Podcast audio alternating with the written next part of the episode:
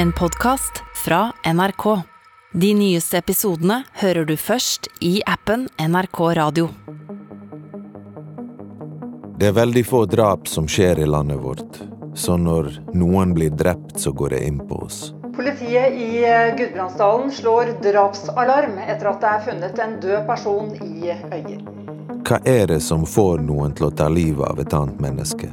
Og hva er det som avslører gjerningspersonen? Funnet ble gjort i går i restene av et bål ved Hafjell.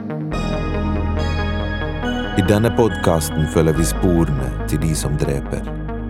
Vi skal ta for oss drapssaker i Norge og snakke med etterforskerne og ekspertene og alle de som kan gi oss svar på hvordan de ble oppklart.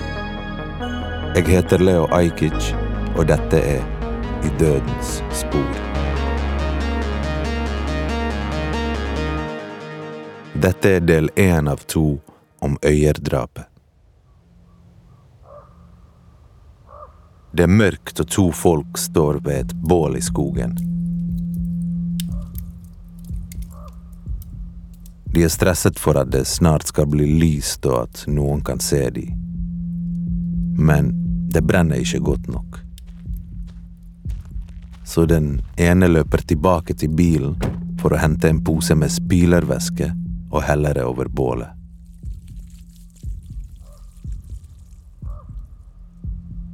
De står bare noen meter ute i skogen fra en tursti, rett ved et hyttefelt. Det er natt til torsdag 14. august 2014 i Hafjell i Øyer. Og det er morgengry, og snart er det så lyst at røyken kan ses fra hyttene i nærheten. Og det brenner, men fortsatt ikke godt nok. Tiden renner ut, så de setter seg i den røde bilen og kjører fra stedet.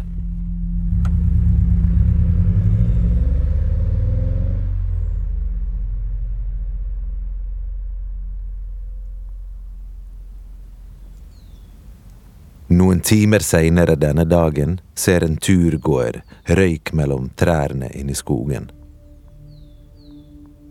Han går nærmere for å se hvor røyken kommer fra. Og bak trærne brenner det fortsatt litt i restene fra et bål i en grop i bakken. I bålet ligger det halvbrente klær og noe som ser ut som deler av en kropp.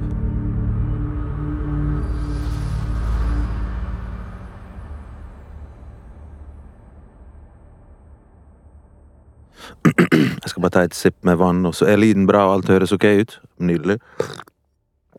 Ok, da lurer jeg på Når et lik er brent, hvordan er det med tanke på din jobb som rettsmedisiner, med å finne spor og kanskje identifisere kroppen? Mm. Ja, um, dette er jo en veldig spesiell sak, i hvert fall i norsk sammenheng. Både partering og forsøk på å brenne opp en kropp. Ida Gravensten er rettsmedisiner og lege ved Oslo universitetssykehus.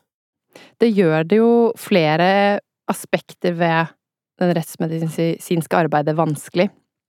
For det første så kan det være vanskelig å identifisere vedkommende. Og for det andre så kan det være vanskelig å påvise dødsårsaken. Er de faktisk blitt drept? Hvis det ikke er noe bløtvev igjen, så ser du jo ikke nødvendigvis stikkskader eller eh, tegn på kvelninger lenger. Eh, og det fins jo faktisk saker hvor eh, folk har dødd av en overdose, og så har deres kamerat eller bekjente etter hvert bare endt opp med å prøve å kvitte seg med kroppen selv. For å ikke få sjelen? Bare ikke bli innblandet. Blir ikke man enda mer innblandet da? Det kan du si. Er det straffbart de liksom, hvis noen er død og bare kutter de opp og prøver å kvitte seg med liket? Ja, det er likskjending. Hva, hva kalte du det? Likskjending. Så, men jeg bare sier at det at et lik er partert og brent, i seg selv, det er ikke noe bevis for at personen er drept. Selv om det selvfølgelig kan gi veldig sterke kan, Da kan det tyde på det. Det kan gi sterke indisier på det. Eh, så man tenker jo selvfølgelig på det med en gang. Eh, så den som har partert og brent et lik, blir jo ofte siktet i saken, til å begynne med i hvert fall. Og så må man finne beviser for at personen er drept. Hvor vanskelig er det å få et lik til å brenne på en måte? Det er vanskelig. Det er vanskelig man skulle tro, fordi For det første så er jo ikke kroppen i utgangspunktet sånn veldig brennbar i seg selv. Det er jo mye væske og fuktighet i muskulatur og i vevet, og bein er jo eh, vanskelig å brenne opp.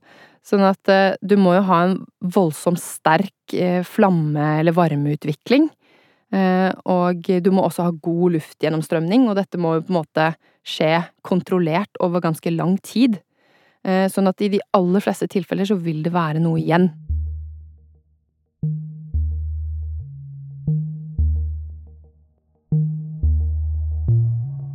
Åstedet er ved en skogsvei. Biler kan kjøre der et stykke, og så blir veien smalere og om til en tursti. Og stien er populær, så mye folk går der. Politibånd henger mellom trærne og blokkerer et stort område i skogen. Helt opp til Hunderseterveien, altså noen hundre meter unna åstedet. Langs denne veien, som brukes av hyttefolket i Hafjell, står det nå parkert hvite varebiler som tilhører krimteknikerne. Det brenner fortsatt litt i bålet når krimteknikerne kommer til åstedet. Mye har blitt i aske, men et hode og en hånd, med fingertuppene kappet av, stikker ut. Det første vi gjør, det er også å slokke det her så fort som mulig. Håvard Haftor Arntzen er seksjonsleder i Kripos og jobber med å lede noen av de dyktigste kriminalteknikerne i landet. Vi må, vi må få slokka den, eh, den ulminga, eller den brannen som eh, fremdeles er der. Fordi at det, det kan ødelegge spor for oss. Så det er det aller første som vi må gjøre. Og det gjøres med vann, eller med altså, Kan ikke det ødelegge noen andre bevis rundt Jo, det, det kan det, men, men, det aller viktigste det er å få, få slokka det. Da må man bare bruke det man har tilgjengelig.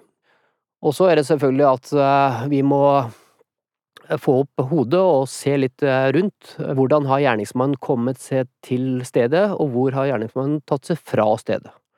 Å bære et dødt menneske, det er ufattelig tungt, og det greier du ikke over mange meterne. Så du må liksom se området rundt og prøve å tenke er det parkering her, hvor gjerningsmannen kunne ha parkert bilen sin og båret opp den døde og så tent på.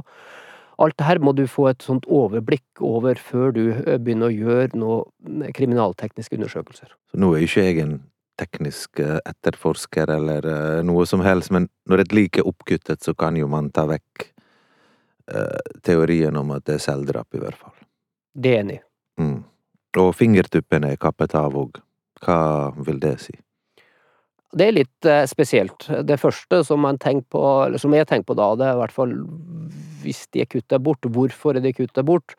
Og da er det nærliggende å tro at her er noen som ikke ønsker at vi skal kunne identifisere den døde. For fordi at Nei, fordi at eh, vi bruker jo eh, for eksempel fingeravtrykk for å identifisere hvem den døde er. Men ved at det er brann der, så forteller det også at gjerningsmannen er jo ikke langt, langt unna. Så det er jo et viktig indisie på at det er ikke lenge, lang tid siden det her har skjedd. I litteraturen så er det sånn at et lik kan brenne opptil ti timer på grunn av fett som vi har i kroppen vår, men hvis vi har kommet til et sånt åsted, så, så vil jeg sette det som svært sannsynlig at gjerningsmannen, han eller hun, er ikke langt unna. Dagen etter står det biler fra alle de store nyhetsmediene i Hunderseterveien. Levningene etter personen ble funnet sterkt forbrent i restene av et bål et par hundre meter bak her jeg står eh, nå. Politiet går ikke ut med så mye til media, men de sier at det sannsynligvis har vært et drap. De vil ikke kommentere om avdøde er mann eller kvinne, og de vil ikke gå inn på alderen til vedkommende. Kroppen er sterkt forbrent, og politiet vet ikke hvem den drepte kan være, fordi ingen er meldt savnet i distriktet.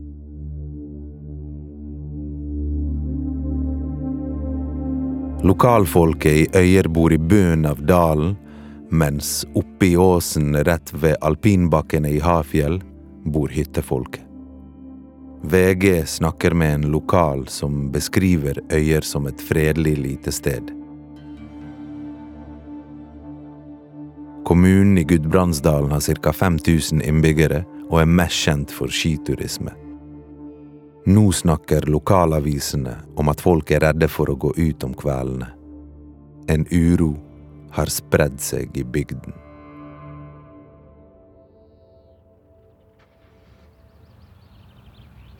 Politiet danna en jernring rundt området og registrerte all informasjon om de forbipasserende, og om de vet noe som kan være med på å oppklare hva som har skjedd i Øyer. Politiet ber de som vet noe, om å ta kontakt. De trenger tips. Det er fredag, så det er mye trafikk på Hunderseterveien, og folk skal på hyttene sine. Mange har ikke anelse om hva som har skjedd. Alle som kjører forbi, blir stanset av politiet.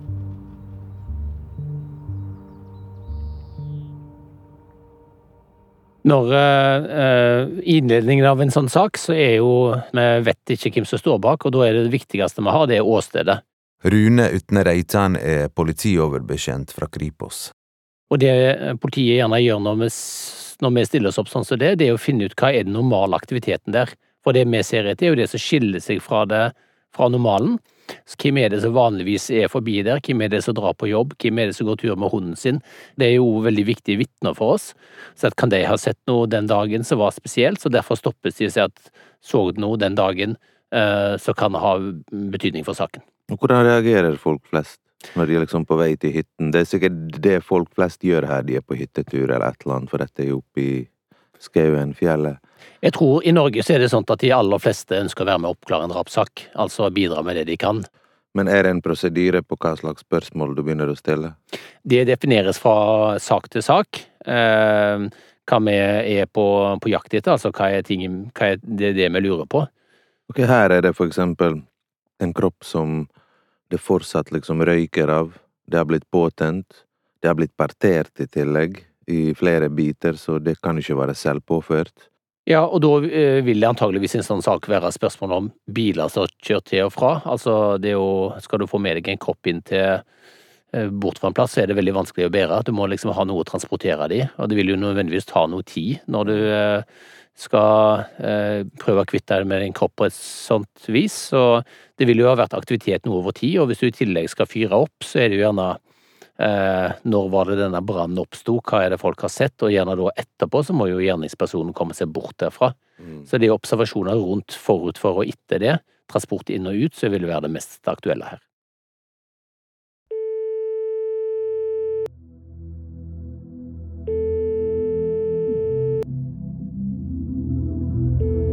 Samtidig prøver en kvinne å få tak i faren sin. Han svarer ikke på telefon, og det er ikke helt likt han. Dette forteller hun i dokumentarserien Norske krimsaker fra 2021.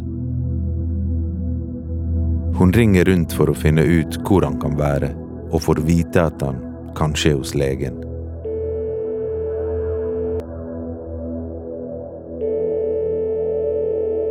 Legekontoret har ikke sett han. De forteller at han hadde time dagen før, men at han ikke møtte opp. Fortvilet ringer hun typen sin. Han spør om hun har sett nyhetene. Hun sjekker avisene og ser at det har blitt funnet et lik ikke så langt unna der faren hennes bor. Nå skjønner hun at noe er galt. Hun ringer politiet og forteller at hun kanskje er datteren til personen de fant i skogen. Hun blir kalt inn, avhørt, og det blir tatt en DNA-test. I ID-arbeid så har man flere måter å gjøre identifisering, og ofte så bruker man en kombinasjon av flere metoder. Det ene er jo det klassiske med sånn visuell gjenkjenning, ikke sant, at eh, noen som kjenner vedkommende, syner liket. Det brukes veldig lite i Norge, men det brukes en del i USA. Eh, og så er det jo av og til medisinske funn, for eksempel arr etter en blindtarmsoperasjon. Det kan være proteser i hoftene, hull i ørene, tatoveringer. Men hvis, et, hvis et like helt brent opp, da? Ja, da har du ofte tennene. Og det brukes eh, i ganske stor grad, særlig ved sånne massekatastrofer hvor det veldig mange har dødd samtidig, eller ved forbrente lik hvor tennene kanskje er det best bevarte som er igjen av kroppen. Og så til slutt så har vi jo nå DNA, og det brukes ganske mye. I hvert fall i sånne enkeltsaker. Hvis vi får inn én kropp, så tar man nesten alltid en eh, prøve fra muskulatur, hvis det fins, eller bløtvev. Bløtvev er alt som ikke er bein. Og putter det i et glass og sender det inn. Men man kan, har man ikke noe bedre, så tar man bein. Så for eksempel lårbeinet er et eh, egnet sted å ta det fra. Hvis de finner ut hvem den drepte er her, så kan de kanskje finne ut hvem morderen er. De må finne ut hvem offeret er, først og fremst. Ja. Og der er en såkalt DNA-referanse. Ja, de trenger en DNA-referanse, eh, en referanseprøve. Og da bruker man jo ofte enten DNA fra en nær slektning, for eksempel en av foreldrene eller et barn. Eh, men man kan også bruke eh, altså DNA som man med sikkerhet kan si stammer fra den savnede. For eksempel spormateriale fra en tannbørste. Eller eventuelt spyttmateriale fra glass. Og hvor fort får man svar? Ja, det varierer. Eh, og det er derfor har man godt bevart bløtvev, for eksempel fersk muskulatur, upåvirket muskulatur, så kan man få svar i løpet av dagen. Eh, hvis det er en prioritert sak. Da gjør rettsgenetikerne de analysene ganske raskt.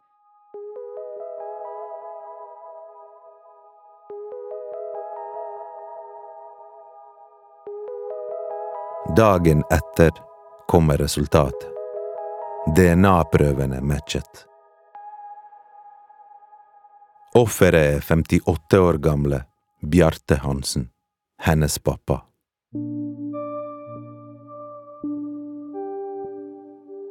Søsteren til Bjarte Hansen sier til VG at han hadde problemer med alkohol, men han var god på bunnen.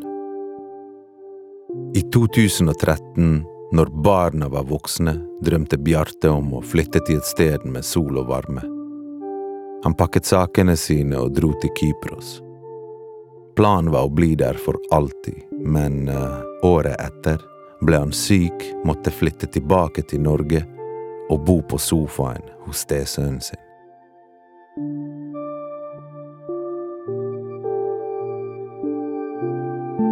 Der bodde han de siste månedene i en liten kjellerleilighet i Øyer i et hus med skogen på den ene siden og motorveien på den andre.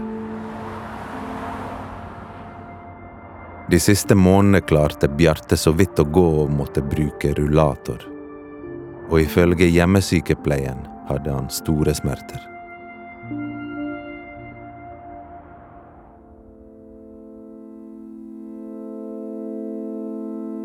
Døtrene til Bjarte vil se hvor han ble funnet.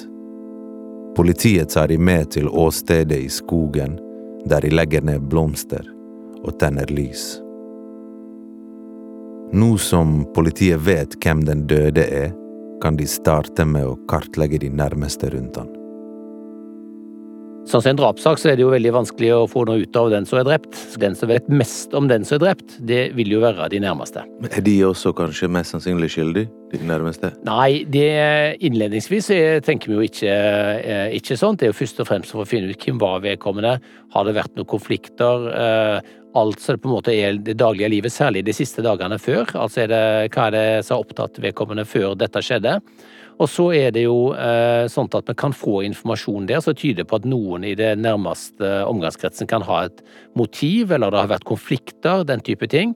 Og så viser jo statistikken det at eh, i Norge de siste ti årene så er det sånn at sju av ti så er det en i nær, eh, i, på en måte av de nærmeste som står bak.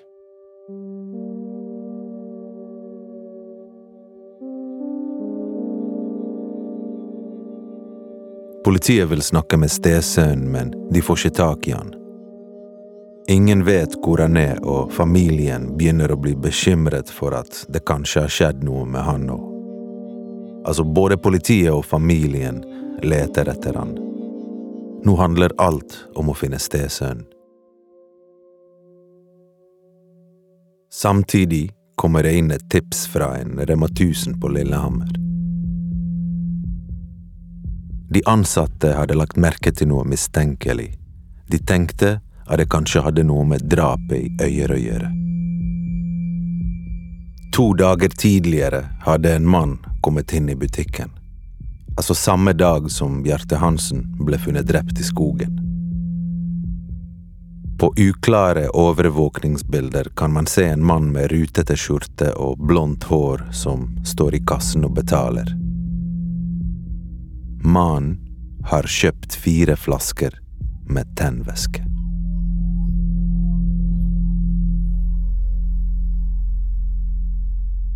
Altså, urban, jo mer urbant, jo mer sentralt. Her i Oslo er jo alt overvåket på en måte. Men mm. uh, hvordan er det når det kommer til norske fjell og natur? Er det mye overvåkningskamera? Er det ting som blir fanget opp når det skjer ting? Ja, og ofte så har jo eh, lokalpolitiet en sånn oversikt allerede i sine sånne planer. Hvor er det det finnes eh, overvåkningskamera? Så det er det første vi får oversikt over. Hvor er det mulig å hente inn noe video? Og da er det jo gjerne butikker, bensinstasjoner, banker, den type ting. Eh, og hvis ikke de har den oversikten, så må vi dra ut og se. Altså rett og slett følge ei rute som vi tror kanskje gjerningspersonen kan ha brukt, og si at er det noe kamera her som kan ha fanget opp noe. Men i tillegg så har vi jo mer sånne mobile kamera. Vi går ofte ut og etterlyser sånn dashbordkamera. Det er overraskende hvor mange som har dashbordkamera i dette landet. Dashbordkamera, det er sånn folk som kjører og filmer alt samtidig? Ja, ja. Men det kan òg være folk som har filma ting med mobiltelefon eller annet, som er mer vanlig nå enn før. Men jeg tenker jo film ofte når jeg, når jeg, spør spørsmål, for det er jo der jeg kan ting fra. Og hvis ikke de sjøl greier å zoome inn, inn i pikslene som på en måte er blurrete, så gjør de et eller annet, og så greier de allikevel å se detaljene som du ikke så for deg. Og det er gjerne, Eirik, som hva heter det der speilet i bilen som du, som du ser bak trafikken? Bakspeilet? Bakspeilet. Du zoomer inn der, og så ser du egentlig ansiktet til gjerningsmannen var der hele tiden, i det samme bildet som var der fra første scene, men de visste ikke det før seinere, før de zoomet inn. Og hvis ikke de greier det sjøl, så sender de det til en hacker, en kompis av de, som er også en gamer eller et eller annet, og så får de det til. Uh, er det uvirkelig, eller Nei, det er jo uh, masse metodikker for å prøve å forbedre bilder, men, uh, men det er nok mer på film enn, uh, enn i, i, virkeligheten at du kan gjøre utrolige ting med bilder. Vi har både systemer for bilder, lyd, video, og forbedre kvaliteten på det, men du er helt avhengig av det opptaket som er. Sant? Så videoovervåkningskamera, det er gjerne begrensa kvalitet på i utgangspunktet. Mens eh, bilder du har tatt med mobiltelefon kan være veldig veldig god kvalitet på. Der kan du få ut eh, mer detaljer, gjerne detaljer som du har oversett sånn i første omgang, men så ligger det et eller annet der som gjør at eh, det blir interessant. Mm. Ok, det blir fanget opp bilder på overvåkningskamera på Rema 1000, så hvordan jobber dere med disse bildene? Hva er det dere trenger som bevis? Eh, det vi gjør eh, der er jo i en sånn situasjon, er å få først og fremst best mulig kvalitet på bildene, som vi med sikkerhet kan si hvem det er. Eh, bilder kan vi nå òg sammenligne med såkalt ansiktsgjenkjenning. Så vi kan, hvis vi har bilder av vedkommende, så kan vi se, og bildene fra opptakskameraet er godt nå, så kan vi faktisk sammenligne og se teknisk om det er samme person, med en sånn konklusjonsgrad på det. Men det som er, er, kan være utfordringen vår, er, er uansett hvor gode bildeforbedrings- og videoforbedringsprogrammer du har, så er det aldri bedre enn utgangspunktet. Det er litt sånn, har det skitt inn, så er det skitt ut. Så det ser vi gjerne på sånn nattovervåking, så at hvor du har veldig dårlige bilder, at du får ikke gjort det bedre enn opptaks, opptakskvaliteten. Så det første vi gjør, det er på en måte å få best mulig bilder eller video ut fra det materialet som vi har. Og hvis du da i tillegg har kjøpt noe, så vil vi jo gå videre da med det tidspunktet innhente gjerne kassalappen. Ja. Og den, den kassalappen vil da si oss nå hva er det egentlig som er kjøpt? Jo, det ser ut som tennvæske, men var det faktisk kjøpt tennvæske? Og da vil jo den tennvæska gjerne være viktige spor for å si at var det den tennvæska som kjemisk henger sammen med den tennvæska du har funnet på åstedet? Der kan vi da gjøre en kjemisk sammenligning. Vi vet hva tennvæska er kjøpt, og vi vet hva som er brukt på åstedet. Da kan du få et teknisk spor mellom butikken og åstedet, og ergo til den personen.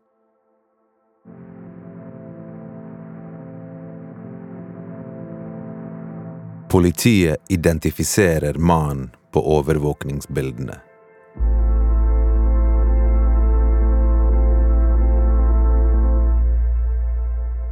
Det er stesønnen til Bjarte Hansen.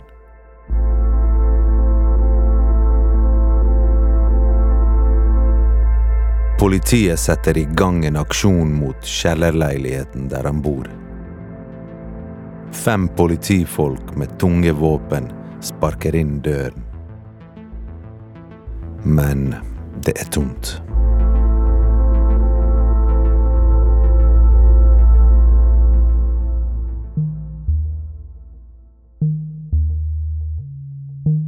Den lille leiligheten er det en hjørnesofa med en side ut mot kjøkkenet. Det er redd opp dyne og pute på sofaen, og ved siden av står en rullator. Stuen virker ren og ryddig, men ganske snart så skjønner politiet at de kanskje står midt i et åsted.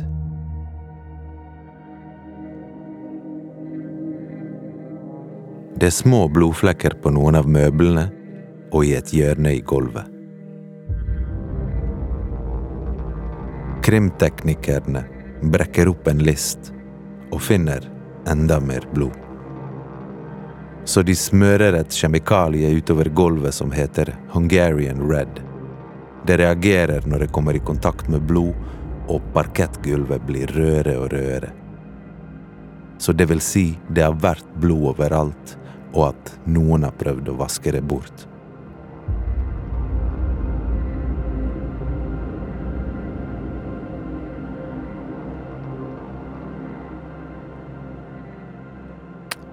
Altså, går det an å fjerne alle vaskevekk-bevis? Jeg vil nesten si at det er umulig. Med de metodene som vi har i dag, med bruk av kjemikalier, spesialbelysning, hund, så eh, å skjule spor er utrolig vanskelig. Men hadde du greid det? Nei, jeg tror faktisk jeg ikke hadde greid det.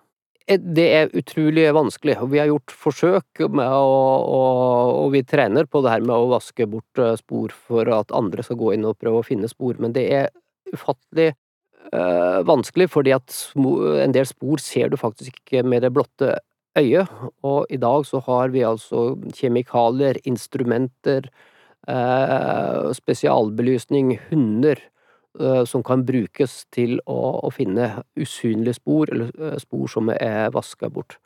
Hva slags spor er det som oftest dere leter etter, og kanskje ender opp med å finne, etter at noen har prøvd å rydde vekk sporene?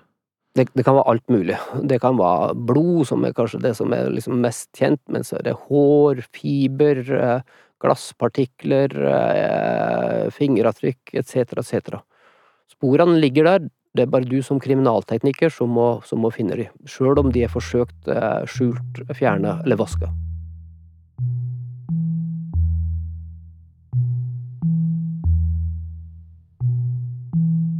Lørdag ettermiddag, to dager etter at Bjarte Hansen ble funnet drept, går politiet ut med en offentlig etterlysning. De tror at stesønnen har drept han. Politiet har i dag gått ut med navn og bilde på 23-åringen som er etterlyst og siktet for å ha drept stefaren sin i Øyer i Oppland.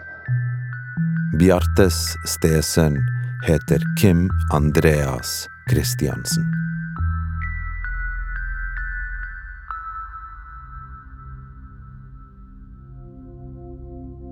Han er 23 år gammel, og familien beskriver han som snill, ansvarsfull og som en god storebror som alltid stilte opp for søsknene sine.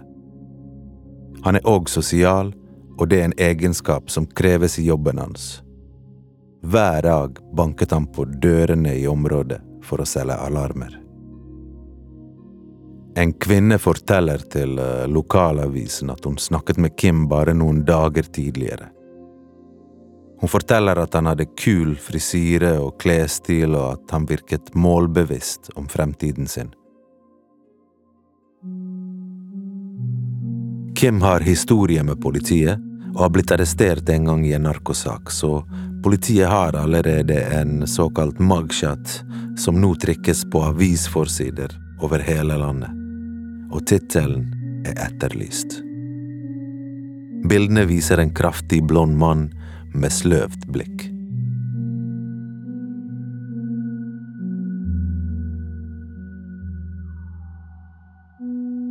Normalprosedyren er at vi ikke går ut med en offentlig etterlysning.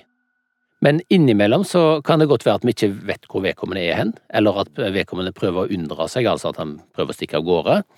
Eh, og da må vi gjøre en vurdering på hvor mye haster dette, kan vi vente til han dukker opp? Og da er jo typisk vurderingene om vedkommende kan være til fare for andre. Hvis en, han eller hun er psykisk ustabil, for eksempel, eh, og vi tenker at her kan det være andre som blir utsatt for det samme, så vil vi gå ut eh, og etterlyse offentlig graden av alvoret på en sak før dere etterlyser noen og på en måte har fjeset deres offentlig og har på en måte identiteten brettet ut, og det kanskje har blitt en stor sak som, som kanskje de fleste har fått med seg. Og, eh, og eh, ja, hvordan bestemmer dere for disse tingene? Altså, alle er uskyldige inntil det motsatte bevis, altså det vi kaller såkalt uskyldspresumpsjon. Og det er klart at da er konsekvensene for det at noen er i media iallfall mer eller mindre oppleves som utpekt som drapsmann, den er, det er veldig uheldig. Så vi skal være ganske sikre på det, og det skal være ganske viktig for at vi går ut med navn og bilde av noen og sier at noen er etterlyst for et drap. Eh, og det, En annen ting som kan være med på, er jo hvis det er fare for vedkommende vi har opplysninger om at vedkommende kommer til å stikke av til utlandet, så gjør at det kanskje kan være umulig å få tak i vedkommende. Eh, blant annet så er det sånn at eh, Veldig mange land leverer ikke ut sine egne borgere. Så hvis du har en kar som bor utenfor, egentlig har statsborgerskap utenfor Europa, og, og drar til for eksempel Brasil, da, så vil ikke Brasil utlevere sine egne borgere. Da vil jo heller ikke noen bli stilt til rette for det.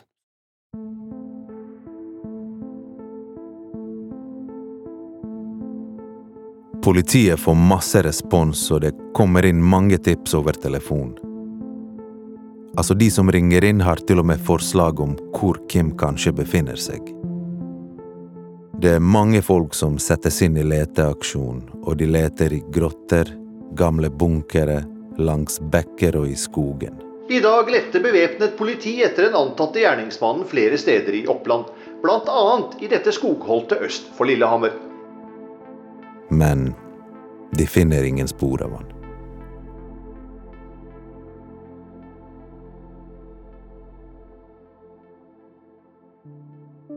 Så kommer det inn et tips fra Gardermoen. Kim har dukket opp på et overvåkningsbilde. Han har på seg hvit skjorte og en sånn der sixpence-hatt. Flyplassen er dekket av kameraer, og på de neste bildene så kan man se at han loker rundt i taxfree-en. Det siste bildet av han er på vei mot gaten. Kim Andreas Christiansen går om bord på et fly og rømmer landet.